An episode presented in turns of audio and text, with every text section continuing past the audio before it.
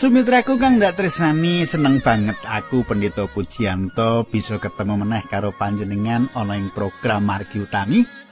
Kepiye kabare panjenengan lan uga keluarga ing wektu iki? Pangarep-arepku Muga-muga panjenengan dan keluarga tansah ana ing tengah-tengahing katentreman lan tansah jinangkung dening Gusti lan kebak kabungahan. Mengkono pandung aku. Katengku lumantar adicara iki aku arep sinau ngajak sinau panjenengan nyemak kayekten saka kitab suci lan uga nderekake panjenengan nyemak saben kayekten kayekten kang dipratelake dening pangandikan Gusti. Pangarep-arepku panjenengan pikantuk berkah saka Gusti lan lumantar program iki bisa migunani ing urip panjenengan saben dina.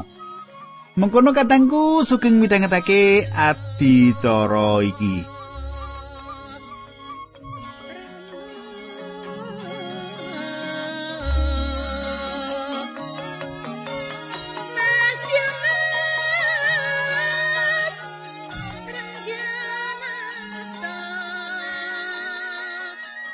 Sumitraku ing patemon kepungkur kita wis nyemak kepiye Gusti Yesus nindakake mukjizat telu.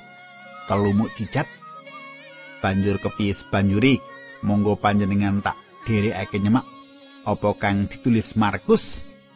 Sebanjuri sadurunge kuwi aku arep ngaturake pokok doa karo panjenengan kabeh sing ngrungokake pangandikan iki.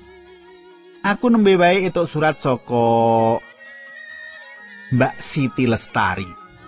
Mbak atau ibu ya. Nyuwun ditungake supaya ginjale saras saiki ginjale Mbak Siti Lestari iki agek bengkak abuh manut dokter mangkono. Mestine ana peradangan ginjal iki ya. Kita perlu ditungake. Perlu ndongake lan panjenengan muga-muga ndongake mengko nek wis waras tak jaluk Bu Siti Lestari atau Mbak Siti Lestari kirim surat ya supaya pendengar kabeh sing ndongake uga mandek anggone ndonga lan bareng-bareng ngaturake panuwun karo Gusti. Nah katengku ayo padha ndedonga dhisik. Kanjeng Rama ing swarga ingkang kawula sambat sebuti wonten ing asmanipun Gusti kawula Yesus Kristus. Kawula ngaturaken gunging panuwun menawi wekdal menika kawula tetunggilan keadaan sedherek-sedherek kawula ingkang setya tuhu midhangetaken adicara margi utami menika. Kawula ndongaaken Mbak Siti Lestari ingkang samenika nembe sakit ginjalipun Gusti kawula mboten mangertos menapa sebabipun jalaranipun nanging tumrap paduka mboten nonton barang mokal kangge nyarasaken. Kawula sareng-sareng kalian sedaya ingkang mirengaken adicara menika kawula nyuwun supados paduka rumentah sih welasipun lan nyarasaken sederek Siti Lestari menika. Dinambaran asmanipun Gusti kawula Yesus Kristus kawula tunggu haleluya amin.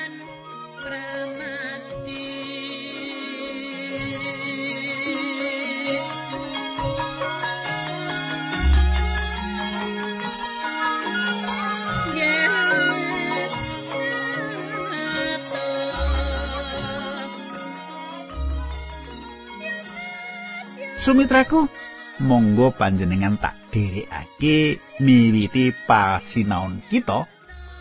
Kadi nyemak apa kang ditulis ing Injil Markus 6 ayat 1 nganti telu. Markus 6 ayat 1 nganti telu. Mengkene surasane pangantikan. Saka ing omahe Yairus, Gusti Yesus tindak menyang ing kutha asale, yaiku kutha Nazaret. Para rasul padha nderek Ing dina Sabat Gusti Yesus mulang ing sinagoge, wong kang padha ngibadah akeh banget. Nalika wong-wong mau ngrungokake piwulange kabeh padha gumun, wong-wong mau padha takon tinakon. Kawure wong kuwi oleh saka ngendi? Kok dadi pinter temen? Kok kuwasa gawe mukjizat-mukjizat bareng? Apa kuwi dudu Yesus tukang kayu? Anake Maryam kae? Sing sedulur-sedulure jenenge Yakobus, Yusuf, Yudas lan Simon? Sedulur-dulure wadon rak ya padha manggon ana kutha Nasaret kene to. Wekasane wong-wong mau padha nampik marang panjenengane. Kadangku kang ndak tresnani Gusti Yesus wis kulino ana ing ngendi papat. Ana ngendi papat. Mesti tindak menyang papan pangibadah. Ana papan pangibadah iku panjenengane memulang. Wulangan uga ngeram-eramake kang ditindakake dening panjenengane dadi jalaran wong-wong kang kenal sadurunge padha bingung. Lan yo awit apa kang ditindakake iku nuwuhake pitakonan-pitakonan. Wong-wong mau ora percaya yen kutha Nazaret iku metu tokoh kaya Yesus iki. Sumitraku, kita nyemak yen Maryam uga duwe anak-anak liyane dadi sedulur kuwalone Gusti Yesus ngono. Wong-wong mau kaget ngerti Gusti Yesus bisa nindakake pangeram-eram kaya mengkono. wong-wong mau rumangsa wis banget kenal Gusti Yesus nanging kasunyatanane ora kenal tenan. Rumangsane wis kena ning ora kena. Tak wacaki bab 6 ayat 4 teko 6b ya mengkono ya ing basa pedinan. Mula Gusti Yesus banjur ngendika karo wong-wong mau, nabi mono ana ing ngendi-endi diajeni dening wong kejaba ana ing kutane dhewe. Wonge padha ora ngajeni semono uga sedulur-sedulure. Mulane ana ing kono Gusti Yesus ora kersa damel mukjizat mung marasake wong loro sawetara crana katumpangan astani. Gusti Yesus gumun dene wong-wong ing kono padha ora gelem percaya. Gusti Yesus banjur tindak menyang desa-desa ing sakiwa tengene kutha Nazaret mulangake pangandikane Allah. Katanggu panjenengan semak, Gusti Yesus ora bisa nindakake mukjizat ing kono. Awit anggone wong-wong mau ora percaya. Siji-sijine pepalang kita, kita ora bisa ndeleng sepiro pangwacaning Allah. Awit apa? Awit anggon kita ora percaya. Iman iku sawijining persyaratan kepiye supaya kita bisa ndeleng panguasane Allah ana ing sajroning keselamatan utawa karahayut. Kadangku panjenengan gathake uga Gusti Yesus tindak mubeng-mubeng saka desa ngadesa sak perlu memulang. Apa kang ditindakake Gusti Yesus iku bisa dadi wulangan kanggo kita? Akeh wong kang lunga ing papan-papan kang mencil kanggo leladi. Gusti Yesus paring patuladan kang ngidapi-dapi. Panjenengan bayangake Gusti kang minulya putra Allah tindak menyang ing desa ngadesa kang cilik. Apa panjenengan ra isin? Panjenengan karepe ning kutha wae sing kepenak sing rekoso-rekoso mo. tak terus ki, saiki aku arep maca ayat itu. Gusti Yesus banjur nimbali murid rolas, murid-murid mau padha diutus loro-loro sarta padha diparingi panguwasa nundungi demit. Katanggu Gusti Yesus ngutus para murid kagungane loro-loro. Supaya apa? supaya para murid mau ngabarake kabar pamratobat ya pawarta kang padha kang saksuwene iki dikutbahake panjenengani lan Gusti uga paring panguwasa atas roh-roh ala. Ayat 3 songo bab 6. Piwelingi marang para murid kowe aja padha nggawa apa-apa sajroning lakumu kejaba mung nyangking teken aja nggawa roti aja sangu duit Kowe kena nganggo sepatu nanging aja nggawa klambi rakep. Katangku. Apa sebabe? Apa sebabe Gusti Yesus paring dawuh kang kaya mengkono? Awit para murid mau bakal nindakake kewajibane lan kudu mlaku ing wayah awan. Lan uga kaya ngapa pentinge tugas para murid uga para murid anggone nindakake kewajiban kudu sumende sak butuhe marang Gusti Allah. Ayat 11 nganti 12 mengkini surasane. Menawa kowe mlebu ing sawijining omah. Mongko kang duwe omah ora gelem nampani kowe ateges wong kuwi uga ora gelem ngrungokake piwulangmu. Lebu kang ana ing sikilmu ketapno banjur lunga saka ing kono kuwi minangka pepiling marang wong sing duwe omah mau. Murid rolas mau banjur padha mangkat mulang wong-wong supaya padha mratobat. katangku. panjenengan gatekake nampik sih rahmate Allah ateges ngundang pangadilane Gusti. Ya. Nampik sih rahmate Allah ateges panjenengan ngundang pengadilane Gusti. Perkara kuwi nganti tekan sepene isi lumaku katangku. Saiki ayat 13 lan 13. Murid 13 mau banjur padha mangkat. Mulang wong-wong supaya padha mertobat. akeh demit sing padha ditundungi dening murid-murid mau uga akeh wong loro sing padha diwarasake nganggo diblonyo ing lenga Katengku panjenengan gatekake para murid mulang bab pamratobat lan binarengan karo nindakake mukjizat mukjizat. Apa kang ditindakake para murid iku mbuktekake menawa apa kang diwulangake kuwi asli. Pamratobat sawijining bagian saka pekabaran Injil lan kang ngandhut dawuh supaya wong pracaya. Ayat 14 lan 15 bab 6 Injil Markus. Asmane Gusti Yesus wis kondang tekan ngendi Sang Prabu Herodes ya mireng bab panjenengani. Akeh wong sing ngira yen Gusti Yesus kuwi Yohanes Pembaptis. Kandhane wong-wong Nabi Yohanes Pembaptis wis wungu saka ing wong mati. Mulane kagungan kasekten sing semono gedhine. Nanging wong liyane ana sing kandha, ah kuwi nabi Elia. Wong liyane meneh kondo kuwi rak nabi kaya dik jaman kuno biyen. Katangku. Gusti Yesus dadi kondang tekan ngendi-ngendi. Gusti Yesus dadi misuwur tekan ngendi-ngendi ora mung marang wong akeh nanging Herodes kang lenggah ana ing dampar keprabone uga wis krungu apa kang ditindakake Gusti Yesus iki. ayat 16 nganti 18 bab 6 Injil Markus. Krungu kandhane wong sing werna-werna mau. Sang Prabu Herodes ngendika, "Kuwi Nabi Yohanes." Maune prajurit-prajurit wis tak kon nugel gulune nanging banjur urip meneh. Awit maune Sang Prabu Herodes wis ndawuhi para prajurit supaya nyekel Nabi Yohanes banjur ditahan. merga wani melehake sang Prabu Herodes oleh garwa Herodias. Herodias kuwi bojone Filipus, sedulure Herodes. Aturi Nabi Yohanes marang sang Prabu Herodes mengkini. Sang Prabu mboten kenging garwa Herodias, sebab menika semahipun Filipus, sederekipun sang Prabu piyambak. Katangku, patine Yohanes Pembaptis. Sak bener wis dumadi rada suwi. Patine Yohanes kuwi awit Yohanes wani-wani ndakwa Herodes awit Herodes njupuk Herodias bojone kakange. Pandhawan mengkono kuwi andadake Herodias nesu lan duwe rantangan kepiye bisane Yohanes bisa mati. Saiki ayat 19 nganti tengan ayat 28. Tak wacake urut wae ya.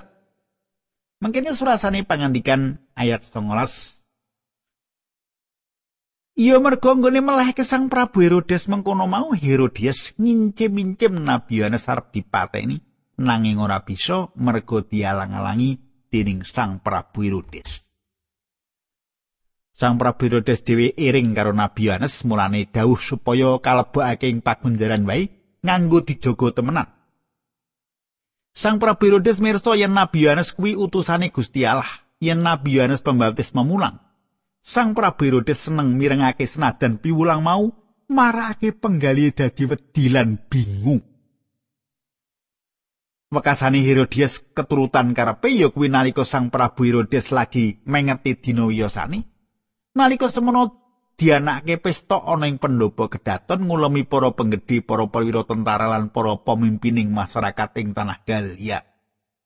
Ana ing pesta kono putra-putrine Herodias beksa apik banget gawe kepranane para tamu kabeh sarta Sang Prabu mulane Sang Prabu Herodes ngendika marang putri mau kowe kepengin apa nyuwuna wae mesti bakal ndak paringi malah dawi mau dikandani sumpah ngendikani aku janji bakal maringi apa wae sing kok suwun senajan nganti separuning negara pisan Putri mau banjur metu lan matur marang ibune, "Ibu, menapa ingkang kedah kula suwun dhateng Sang Prabu?"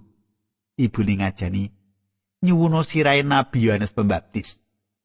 Putri mau banjur bali mlebu meneh ing pendopo kedaton nuli matur Sang Prabu Herodes kawula mugi dipun paringi sirahipun Nabi Yohanes Pembaptis kawadah ana ing baki. Mireng ature putri mau Sang Prabu Herodes sedih banget nanging ora bisa nolak jalaran wis kalah janji tur janji mau nganggo sumpah lan wis disekseni dening para tamu. Kadangku salah sawijining karingkiane Herodes kang liyane yaiku dhewe wedi karo apa kang dipikirake lan dikandhakake kanca-kancane. Dheweke rumangsa luput awit wis nindakake sumpah. Ayat 17 nganti 29. Mengkini. Sang Prabu Herodes banjur utusan prajurit supaya nigas gulune Nabi Yohanes Pembaptis. Prajurit mau nuli mangkat menyang pakunjaran lan nigas gulune Nabi Yohanes Pembaptis. Sirai diwadahi ing baki banjur ditampakake marang putra putrine Herodias. Putri mau banjur ngaturake sirai Nabi Yohanes Pembaptis marang ibune. Bareng para murid Nabi Yohanes Pembaptis krungu bab iku banjur padha teka ngukup layoni lan disareake. Kadangku sebanjuri para murid ngaturake pelaporan apa kang ditindakake kang kawitan. Ayat 30 nganti 31. Para rasul padha bali saka nggone diutus dening Gusti Yesus mulangake pangandikane Allah. Banjur padha nglumpuk suwane ngarsane apa sing wis ditindakake lan diwulangake marang wong diaturake marang Gusti Yesus.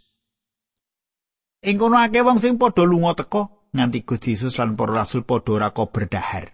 Mulane banjur ngendika marang para rasul, "Ayo padha golek panggonan sing sepi supaya kita bisa ndiwi lan kowe bisa padha ngaso sawetara." Kadangku, kaya ngapa repote? Kaya ngapa sibuke lan kaya ngapa gedene tuntutan kang dibrukake ing pundhake Gusti Yesus? Ya wis saka kuwi panjenengane golek panggonan kang sepi perlu para murite utawa para rasul bisa ngaso. Ayat 32 nganti 34. Mangkene surasane bab 6 Injil Markus. Gusti Yesus lan para murid banjur padha mrau menyang panggonan sing sepi, nanging akeh wong sing padha weruh nggone tindak sarta uga padha ngerti panggonan sing arep diparani Gusti Yesus lan para rasul mau. Mula banjur akeh wong saka kutha-kutha ing wilayah kono sing padha mlaku ndisiki. Nalika mandhap saka ing prau, Gusti Yesus pirsa wong akeh wis padha ana ing kono, mirsani wong-wong mau Gusti Yesus mesake, awit padha kaya wedhus sing ora ana pangoni. Gusti Yesus banjur paring piwulang akeh-akeh marang wong-wong mau. Kadangku wong akeh kang ngerti papan kang dituju Gusti Yesus lan para murid mlaku ndisi Gusti Yesus lan ngenteni ana kono. Pamrihe wong-wong mau supaya bisa ketemu karo Gusti Yesus lan para murid. Gusti Yesus runtuh welase nyawang wong-wong mau, kabeh wong kuwi yaiku kalbu mindo-mindo kagungani.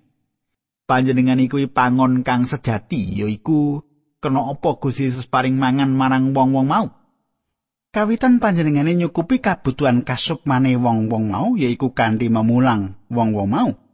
Sebanjuri panjenengane nyukupi kabutuhan kajasmanen yaiku kanthi menehi mangan karo wong-wong mau. Ayat 36 nganti 37. Mengkene surasane bareng wis sore para rasul padha matur samenika sampun sonten. Mongko panginan ngriki sepen tebih ler tebih kidul.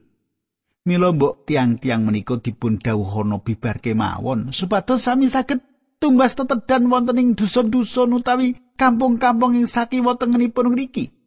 Gusti Yesus ngendika, "Mbok kowe wae padha meneh ana mangan." Para rasul padha matur menapa kersa panjenengan kawula sami kisah tumbas roti pengaos kali atus dinar kangge tiang-tiang menika?